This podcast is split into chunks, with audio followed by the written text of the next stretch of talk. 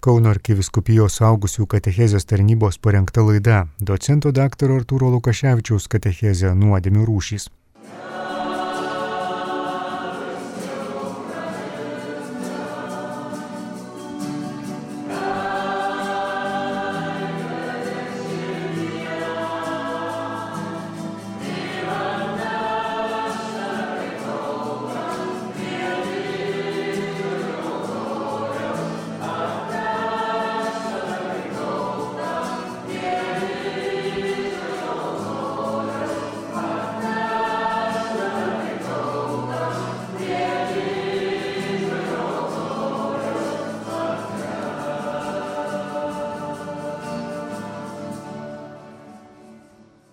Nuodėmės rūšys.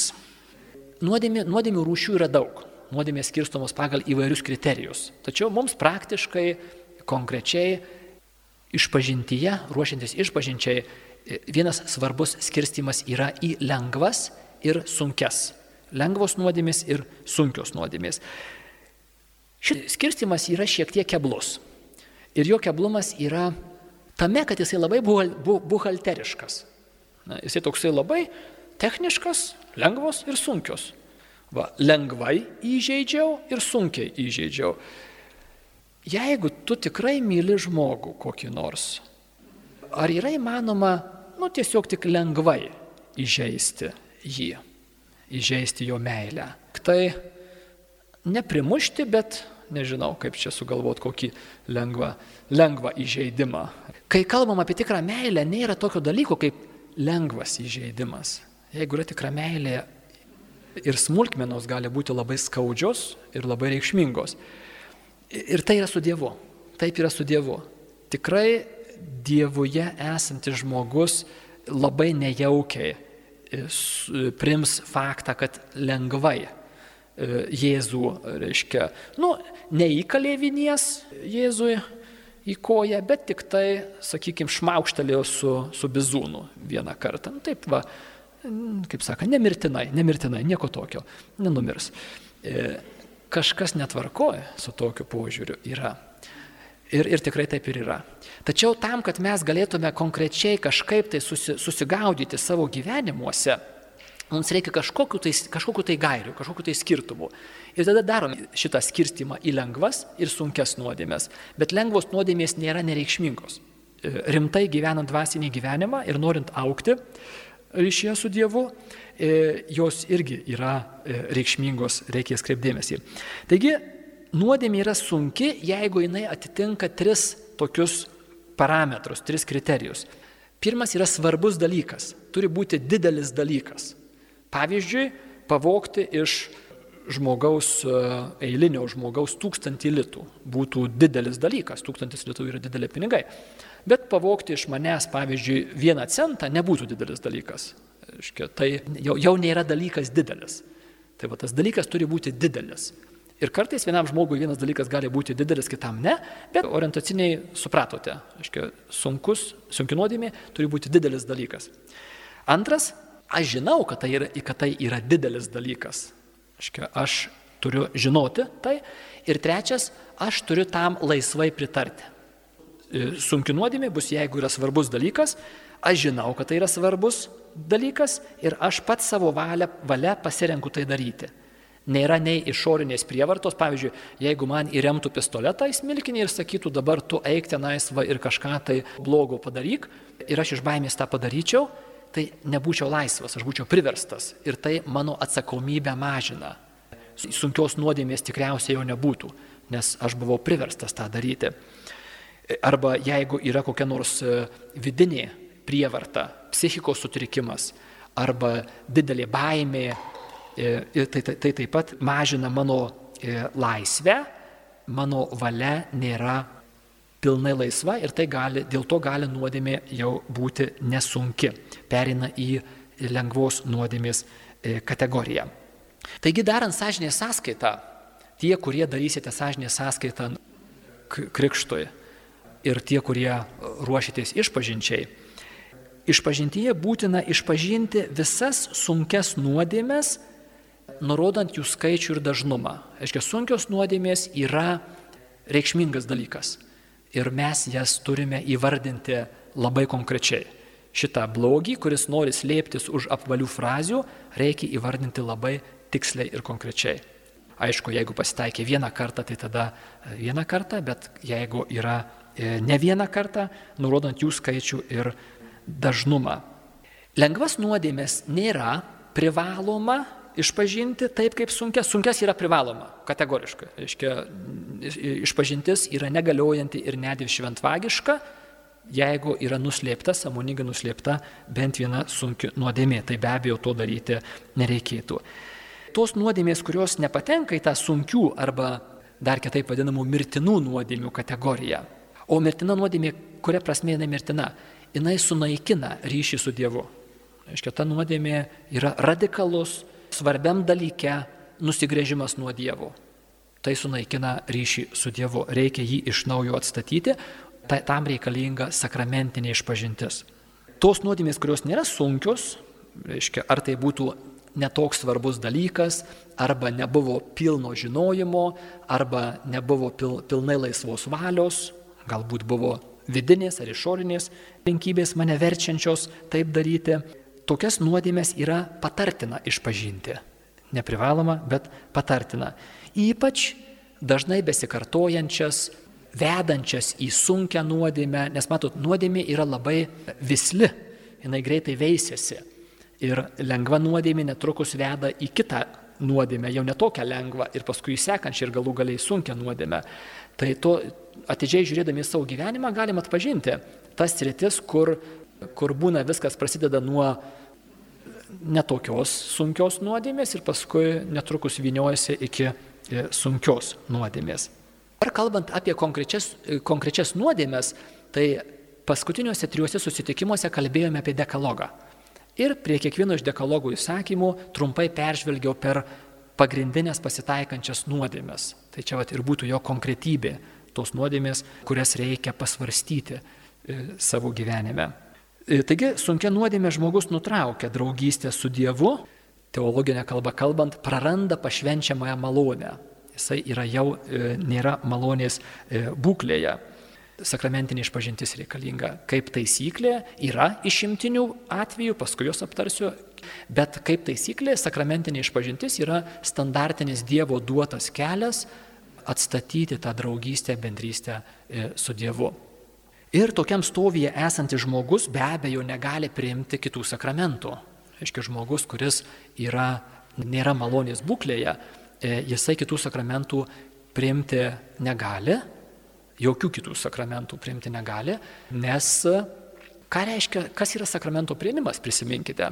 Sakramento prieimimas yra simbolinis ženklas vidinės nuostatos kokios Dieve, aš esu tavo visiškai, aš paklūstu tau visiškai, aš tau save atiduodu visiškai, aš noriu, kad nebūtų jokios kliūties tarp manęs ir tavęs ir kas nuo manęs priklauso pašalinu visas kliūtis iš mūsų draugystės. Bet jeigu yra sunki nuodėmė, net leista, tai tada ne visos kliūtis pašalintos. Ir priimti sakramentą, bet kokį sakramentą tokioje būklėje būtų melas. Tai būtų dar vienas judo bučinys, ne, netiesa. Išoriškai darau vieną, o širdies nuostata yra visai kita. Taigi tai būtų šventvagiškas sakramento prieimimas netinkamas. To daryti negalima. Kas ta sąžinė sąskaita? Sąžinė sąskaitos esmė yra klausti Dievo, kas mūsų santykėje, kas mūsų draugystėje yra gero ir kas mūsų draugystėje yra taisytino, kas yra negerai, ką reikėtų atitaisyti, ištiesinti kreivus negerus dalykus, kur aš tave įžeidžiau. Jėzau, kas mudviejų ryšyje, e, kas tave žaidžia. Ir e, sąžinė sąskaita reiškia tokia vidinė inventorizacija, peržvelgimas viduje esančių dalykų, įvykių. Į tuos dalykus konkrečius visą laiką reikia žvelgti santykio, draugystės, ryšio su Dievu šviesoje. Nes didžiulis pavojus yra tą pavojų savyje labai dažnai atpažįstu ir esu tikras, kad bent kai kurie iš jūsų esate jame. Į sąžinės sąskaitą žiūrėti kaip į savo blogų darbų tokį buhalterinį sąrašą. Atsisėdau vienas ir tokiam savianalizės valandėlėje paėmiau ir peržiūrėjau savo blogus darbus. Ne, čia ne tai. Turite atsisėsti dviese su Jėzumi. Jeigu jums padeda, galite net šalia pasistatyti tuščią kėdę. Toj kėdėje sėdi Jėzus ir šnekamės. Jėzau, kas yra gero ir ką reikia taisyti. Ir tada vat, toje draugystės ir meilės atmosferoje galima eiti per įvairius klausimus, per įvairius, reiškia, nuodėmių išvardinimus, klausiant savęs, ar tai buvo mūsų ryšį žaidžiantis dalykas. Bet labai saugokitės to tokio sauso buhalterinio, savianalitinio e, būdo, kuris, kuris pamiršta, kad šalia yra mylintis Dievas. Tu esi Dievo meilės šviesoje. Ir, ir tik tai toje šviesoje ir tavo nuodėmės pasirodys teisingai ir tu žinosi, ką su tom nuodėmėm daryti. Tai čia esminis dalykas. Yra įvairiausių būdų atlikti sąžiniai sąskaitą, tą inventorizaciją. Galima pagal dekalogą, galima pagal kalno palaiminimus, kalno pamokslo, galima pagal dorybės. Ir vienas iš tokių būdų būtų va, tas klausimynas, gali būti maldaknygėje esantis klausimai. Visi tie būdai turi savo stipresias ir silpnasias pusės ir reikia po truputį tobulintis. Ir pagrindinė silpnoji dalis yra pamiršimas, kad esame dviese. Aiškiai, esu mylinčio Dievo akivaizdoje. E, Sąžinė sąskaita atliekame nuo paskutinės geros išpažinties. Jeigu tokia buvo mano gyvenime, tai nuo paskutinės geros išpažinties peržvelgiu su Dievu mūsų santykius. Jeigu žmogus eina išpažinties pirmą kartą, tai e, arba krikštui ruošiasi suaugęs žmogus, tai jisai daro sąžinę sąskaitą viso samoningo gyvenimo.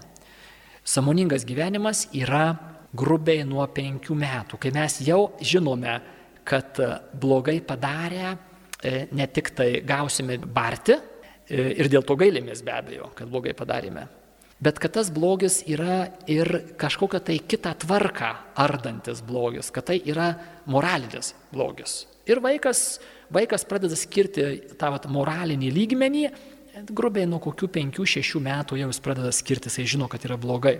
Taigi darome sąžinės sąskaitą nuo to e, laiko.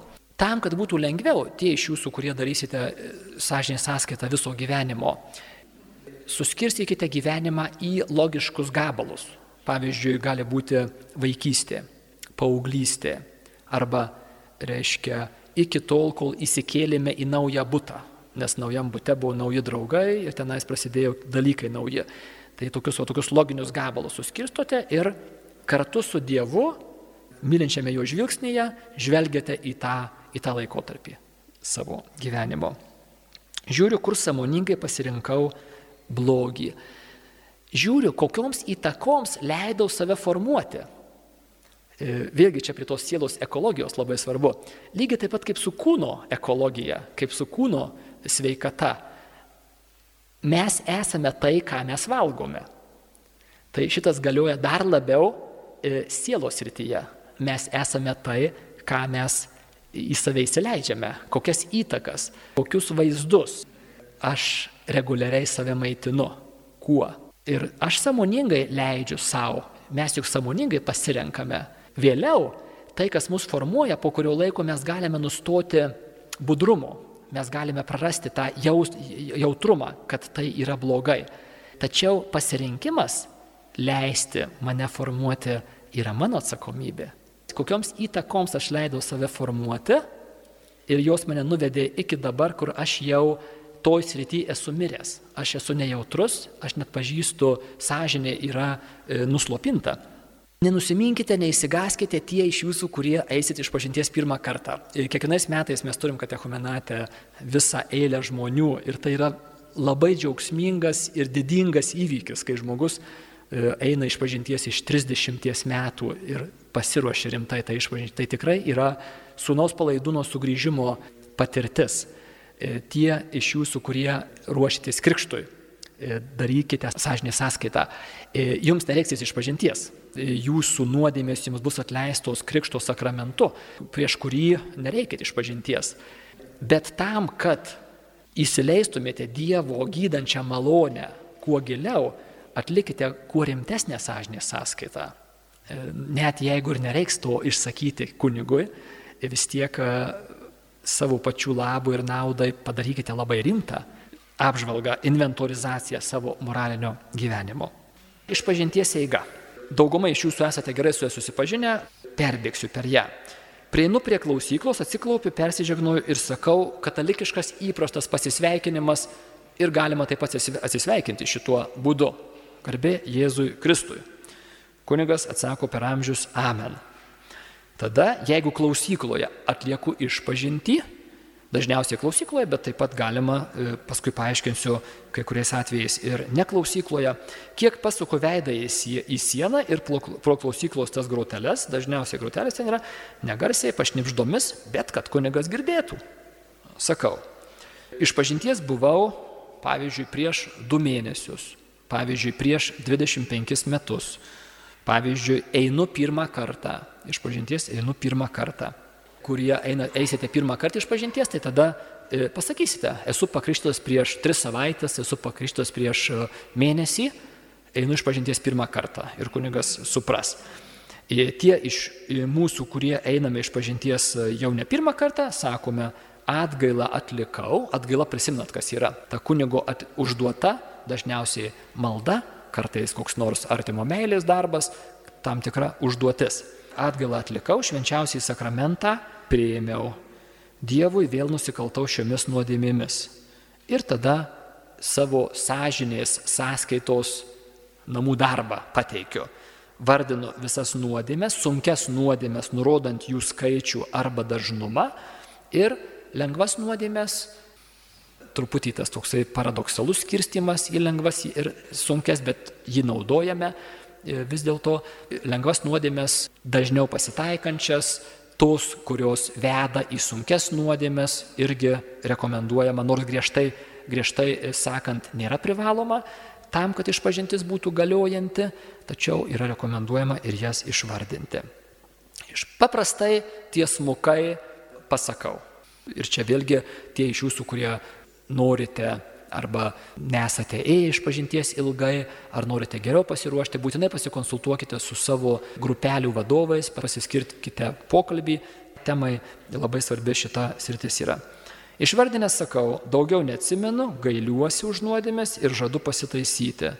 Prisimenat, kas čia yra, čia yra tie iš tų penkių žingsnių. Tam, kad susitaikymas būtų tikras, aš turiu įvardinti mano padarytą blogį, išreikšti gailestį, kad jis įvyko ir išreikšti pasiryžimą, kad ateityje jisai neįvyktų, žadu pasitaisyti. Prašau atgailos ir išrišimo.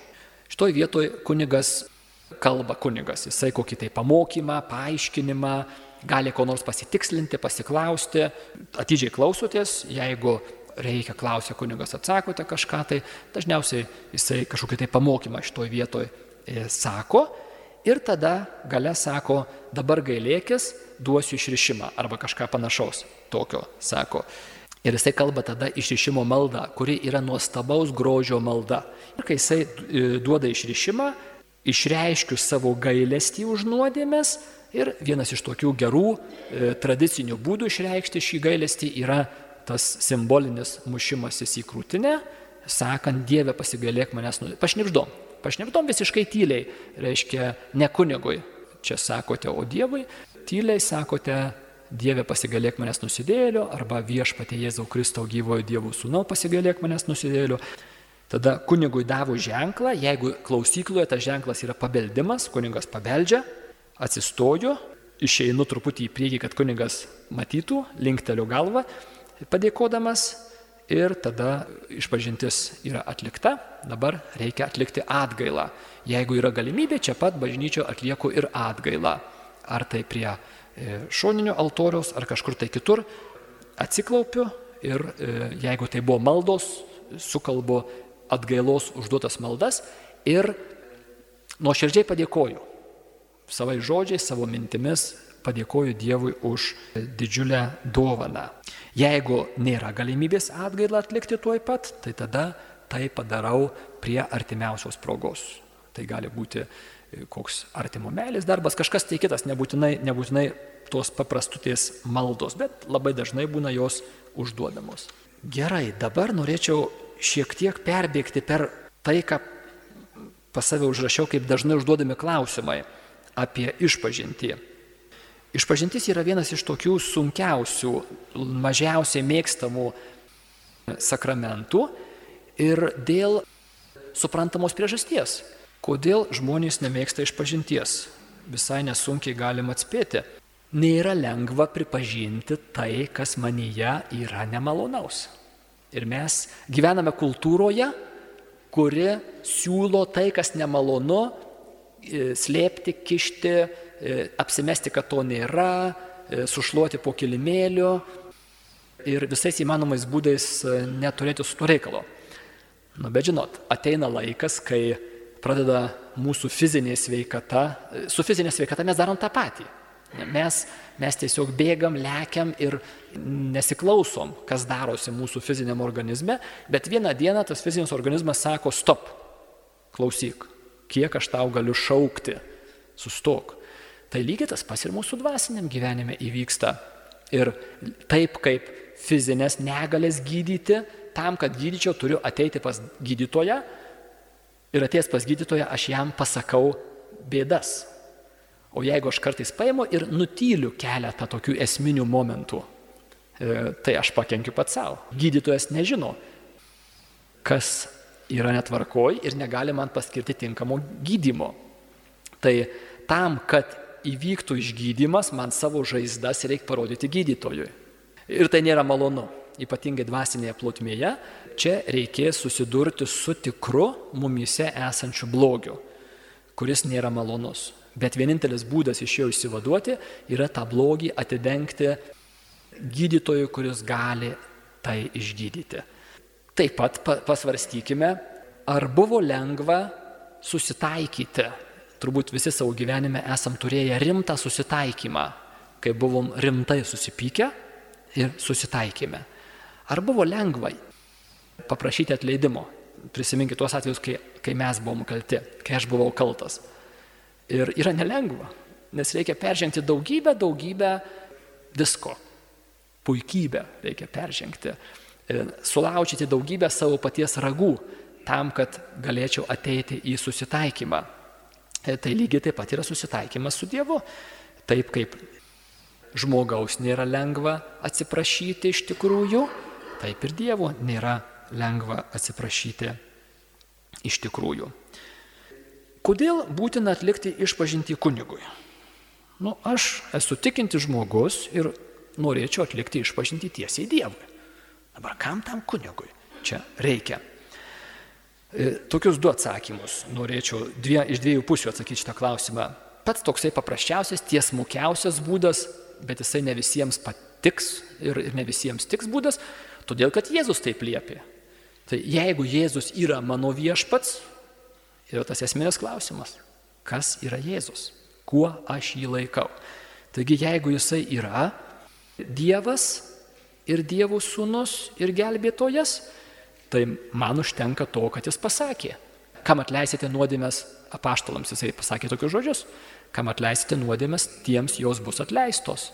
Viskas. Apaštalai turi šitą galę, apaštalai perdoda savo įpėdinėms vyskupams ir tie pasidalina šią galę su kunigais. Bet kai kuriems žmonėms gali šitas atsakymas tiesiog truputį ne, nebūti patenkinamas, tai duodu tokį paprastesnį, žmogiškesnį atsakymą. Kadangi žmogus yra kūnas ir siela, mes esam ir kūnas, ir siela, ir materija, ir dvasia. Ir tai neužtenka tik tai dvasiškai atsiprašyti, savo širdyje atsiprašyti. Reikia ir kūniškai išreikšti tą savo dvasinį atsiprašymą. Ir va čia lygiai tą patį mes e, galim pastebėti e, savo tarpusavio santykiuose, žmonių tarpusavio santykiuose. Argi nedaug lengviau ir paprasčiau būtų, nu, dvasiškai atsiprašyti savo įžeisto artimojo. Aš tiesiog širdyje atsiprašau, tavęs ir jau to užtenka. Reikia ateiti ir pasakyti konkrečius žodžius. Ir va čia yra tas tikrasis lūžis. Praeitą kartą daviau pavyzdį su vaikais, kurie, kurie reiškia, nori išsisukti nuo konkretaus įvardinimo. Mes tą patį darom visi. Iš tikrųjų, suaugusieji ne, ne toli esam pažengę, tik truputį maskuoti geriau išmokome. Darom beveik tą patį, ką vaikai, e, kai buvome darėme. Žmonės kartais bijo, kad pasakys labai tokius gilius ir skaudžius ir intimius dalykus e, kitam žmogui, kunigui ir ar jisai neišplepės. Tai yra tokia vadinamoji sakramentinė paslaptis. Pati griežčiausia paslaptis katalikų bažnyčioje ir netgi drįčiau sakyti gal ir visam pasaulyje. Ta paslaptis saisto kunigą nuodėmklausį išgirdusi nuodėmės. Jisai negali absoliučiai jokiomis sąlygomis išpasakoti tai, ką jis girdėjo iš pažintyje. Niekas neturi teisės, absoliučiai jokios, net popiežius neturi teisės pas paprastą kunigėlį ateiti ir sakyti, tu man pasakyk, aš tau įsakau pasakyti, ką tu girdėjai per išpažinti.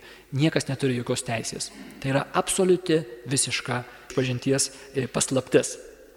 Pačiom griežčiausiamis bausmėmis saistomas kunigas. Jisai yra ekskomunikuojamas iš karto. Jeigu jisai papasakoja išpažinties paslapti, jisai, jisai reiškia, yra pašalinamas, e, ekskomunikuojamas, iš bažnyčios pašalinamas iš karto vien tik tuo veiksmu. Tokia yra tvarka bažnyčioje. Dabar ar kartais tai įvyksta? Deja, yra įvykę. Tai įvyksta kartais. Ir, ir tai labai skaudžiai sužeidžia žmogų, ypatingai jeigu tai yra paviešinama. Daž, dažniausiai tai nėra paviešinama plačiai ir viešai. Bet uh, pasitaiko, kad e, ar, ar prasitarė, ar KGB atveju, kai būdavo kunigai masiškai verbuojami, yra buvę atvejus, įvyksta tai kartais. Nežinau, tiesiog, tiesiog aš asmeniškai pilnai pasitikiu tą sakramentinę paslaptimi ir, ir kviečiu ir jūs. Galite pasirinkti nuodėmklausį. Žmogus, reiškia, penitentas eina iš pažinties pas nuodėmklausį. Tai penitentas turi teisę pasirinkti kunigą. Jūs neprivalote eiti pas savo kleboną arba pas e, kažką tai kitą, jūs galite pasirinkti kunigą, ir, bet jeigu jūs pasirinksite popiežių, išpažinčiai, tai popiežius nebūtinai skirs jums laiko, nes tiesiog pagal savo pareigas jisai, jisai nu, nebūtinai tam, tam bus prieinamas. Bet šiaip penitentas, jeigu kunigas sėdi klausykloje ir, ir yra prieinamas išpažintim, išpažintims, tai tada tu, tu renkiesi, tai pasirinkite tokį kunigą, kuriuo galėtumėte e, pasitikėti. Neprisimenu, kas čia dabar sakė, bet netaip seniai išėjau kalba apie tai ir vienas rodos kunigas labai įdomą mintį pasakė. Sako, pagalvokite, kiek yra kunigų metusių kunigystę. Yra tikrai kunigų metusių kunigystę, dėja. Ir nėra girdėtas atvejis, kad kunigas metęs kunigystę paimtų ir paviešintų jo girdėtas išpažinti. Kažkaip jie vis tiek laikosi išpažinties paslapties. O čia įdomus dalykas, reikšmingas. Kartais jie tiesiog nusviedžia kunigystę kaip visiškai nereikalingą dalyką, bet saugoja išpažinties paslapti. O galėtų, negalėtų ten kokiam žurnale žmonės ar, ar kažkokiam kosmopolitane paimti ir savo nevą. Aš čia taip girdėjau, aš čia taip, o kodėl nedaro? Įdomu. Dabar ruošiantis sąžinės sąskaitai dėl tų sąrašų sudarimo. Ar reiktų susirašyti nuodėmės? Ar nereiktų?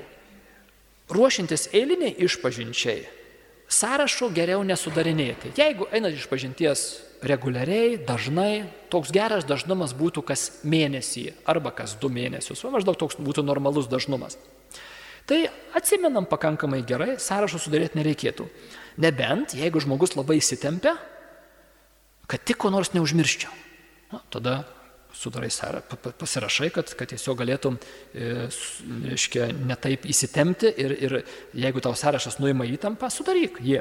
Tačiau svarbiausias dalykas, ar tu sudarai sąrašus, ar nesudarai sąrašų, susikoncentruoti į draugystę su Dievu. Ne į tą savo blogybių, reiškia, rinkinėlį, bet į draugystę su Dievu, į Dievo atleidimą, o ne į savo nuodėmės.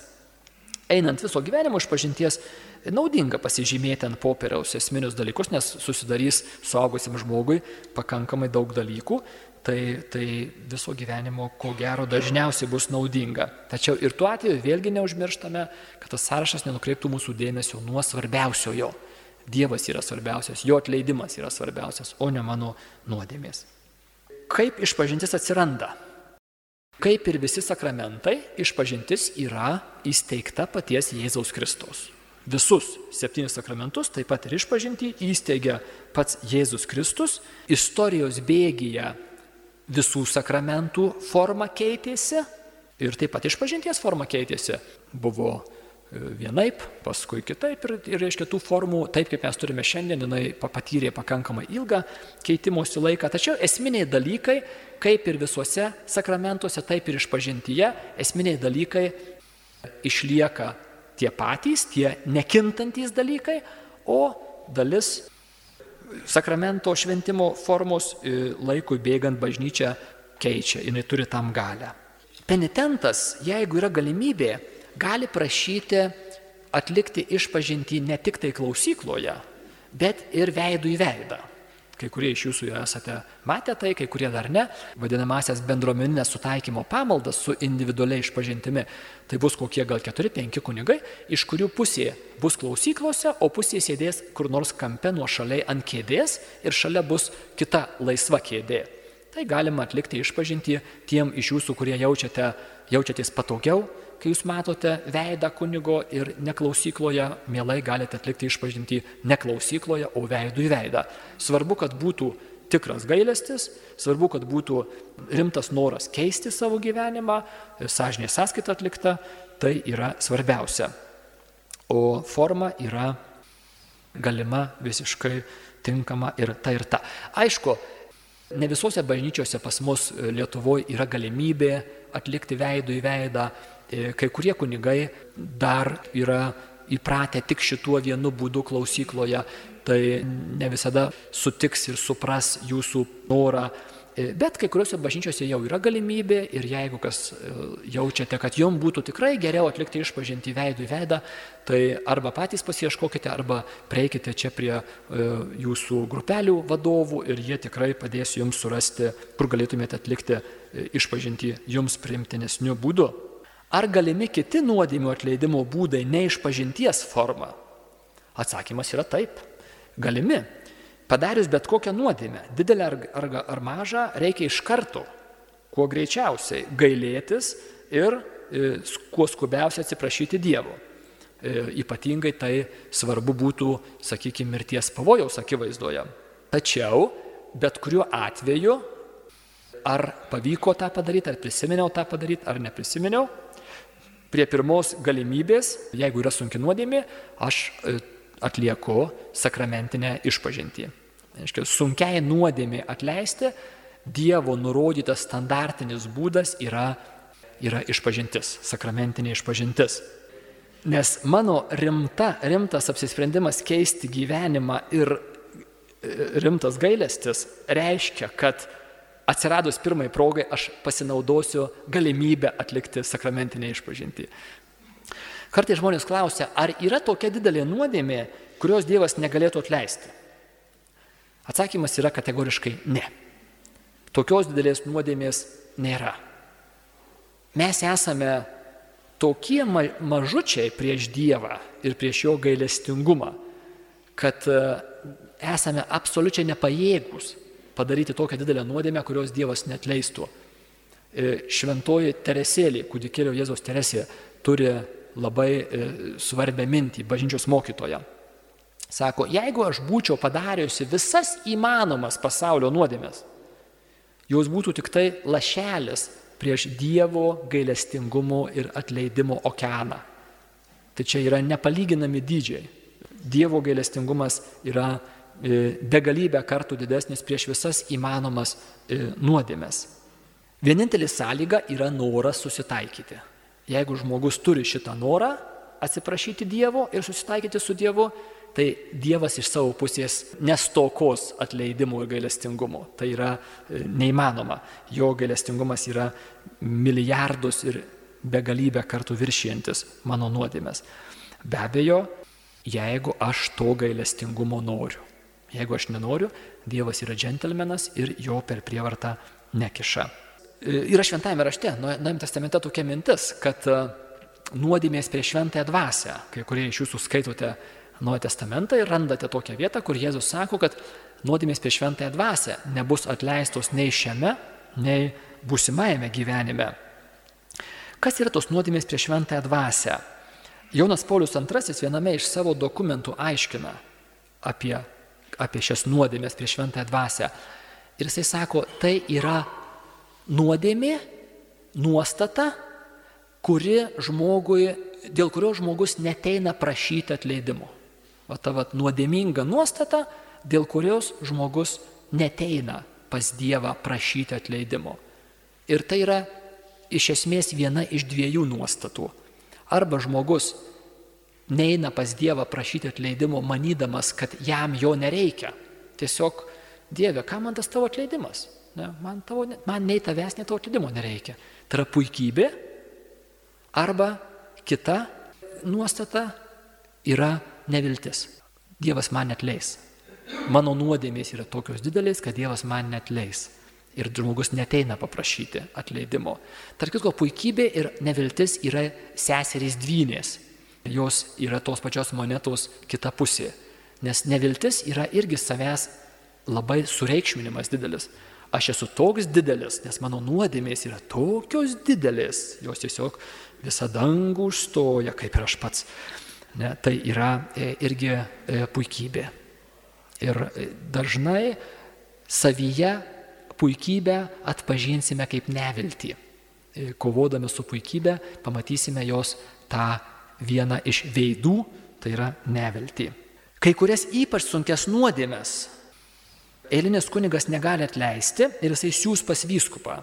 Žmogžudystė, negimusio kūdikio nužudimas gali būti, kad kunigas neturės teisės ją atleisti ir jisai siūs pas vyskupą. Tačiau vyskupas atleis, jeigu tik tai žmogus nuoširdžiai gailis, jeigu tuos penkis žingsnius atlieka į tikrą susitaikymą, tai tos nuodėmės nėra tokios, kurias negalim atleisti. Tiesiog jų dydis yra toksai, kad jos rezervuotos e, vyskupui arba vyskupo įgaliotiems kunigams. Bet jos nėra e, tokios, kurių negalima būtų atleisti. Jei tik žmogus nori susitaikyti su Dievu ir nuoširdžiai ryštasi taisytis, jos yra atleidžiamos. Kunigo vaidmuo išpažintyje. Esu girdėjęs pats e, savo ausimis tokį pasakymą, sako, nu kam aš, kaip aš galiu eiti pas tą kunigėlį išpažinties, jeigu jisai psichologijoje nusimano mažiau už mane. Klaidinga nuostata, jos klaidingumas yra kame. Išpažintis supainiojamas su psichoterapiniu pokalbiu. Išpažintis nėra psichoterapija. Labai gerai, jeigu kunigas turi žinių e, psichologijos rytyje ir jis galės padėti penitentui giliau pažvelgti, motyvus pamatyti, tai labai gerai. Bet šiaip kunigas tam, kad įvyktų sutaikinimo sakramentas, neturi turėti psichologijos žinių, nereikia. To to nereikia. Aišku, tai kaip sakau, yra naudinga psichologinės, teologinės ar kokios tai kitos žinios tikrai labai naudingos ir praverčiančios, ieškant nuodėmės šaknų. Tačiau pats sakramentas nuo jų nepriklauso. Sakramentas priklauso nuo penitento tų penkių žingsnių ir kunigas tada jam duota dieviškąją gale atleidžia nuodėmės. Ir tas atleidimas vyksta, yra toks teologinis terminas, in persona Kristi. Kunigas tuo metu veikia Kristaus asmenyje. Arba tiksliau, kunigas paskolina save Kristui ir Kristus sako, ir aš tau atleidžiu tavo nuodėmės. Reiškia, čia yra Kristaus žodžiai tariami kunigo lūpomis. Tai štai kunigo vaidmuo būtų tas in persona Kristi. Ir paskutinį klausimą - išpažinties taisymas. Pasitaiko atveju, kai žmogus samoningai nuslėpia išpažintyje sunkę nuodėmę Tai yra žinodamas, nepasako išpažinties sunkios nuodėmės. E, tokia išpažintis yra negaliojanti. Aiškiai, jeigu taip atsitinka, tokią išpažintį reikia taisyti. Jis yra negaliojanti, jinai yra dar viena nuodėmė, dar viena šventvagiška išpažintis, e, dar viena blogybė ją būtina kuo greičiausiai taisyti, eiti iš naujo iš pažinties, galima eiti pas tą patį kunigą, galima eiti pas kitą kunigą, jūs renkatės, tai nėra svarbu. Ir pasakyti, kad praeito išpažintyje nuslėpiau nuodėmę. E, nurodyti kokią nuodėmę ir atlikti iš naujo išpažinti nuo paskutinės geros išpažinties. Iš esmės tai nieko baisaus nėra. Žmonės kartais labai įsigasta. E, tiesiog reikia eiti naujos išpažinties, pasakyti tą faktą, kad nuslėpiau ir e, tada atlikti išpažinti nuo paskutinės geros išpažinties. Kartais gali pasitaikyti toks atvejis, kai mm, kartais žmonės e, masto, sutiksite tokį va, panašiai mąstymą. Sako, nu ką, gerai tiem katalikam. Prisidaro nuodėmių, paskui nueina iš pažinties, va, jiem atleidžia viską. O, kaip lengva gyventi. Šeštadienį bus baliukas, gerai išgersiu, parveš mane namo negyvą, sekmadienį nueisiu iš pažinties, toliau gyvenimas eina įprasta, tavo, įprasta vaga. Stebėkite, kur čia yra klaida, jau jūs turėtumėte atpažinti. Tame mąstyme yra labai didelė klaida. Yra planuojama ir, ir nuodėmė, ir išpažintis. Tokioje situacijoje trūksta esminio geros išpažinties elemento, yra gailesčio už nuodėmės. Tu negali planuoti nusidėti, šeštadienį nusidėsiu, tada sekmadienį nuoširdžiai tuo pasibjaurėsiu, ir norėsiu, kad tai niekada nebūtų įvykę, nueisiu iš pažinties ir viskas bus e, gerai. Tai, taigi negalime planuoti kartu ir nuodėmę, ir e, po to išpažinti su gailėšiu už tą nuodėmę būtų klaida. Tai būtų tiek šiam kartui.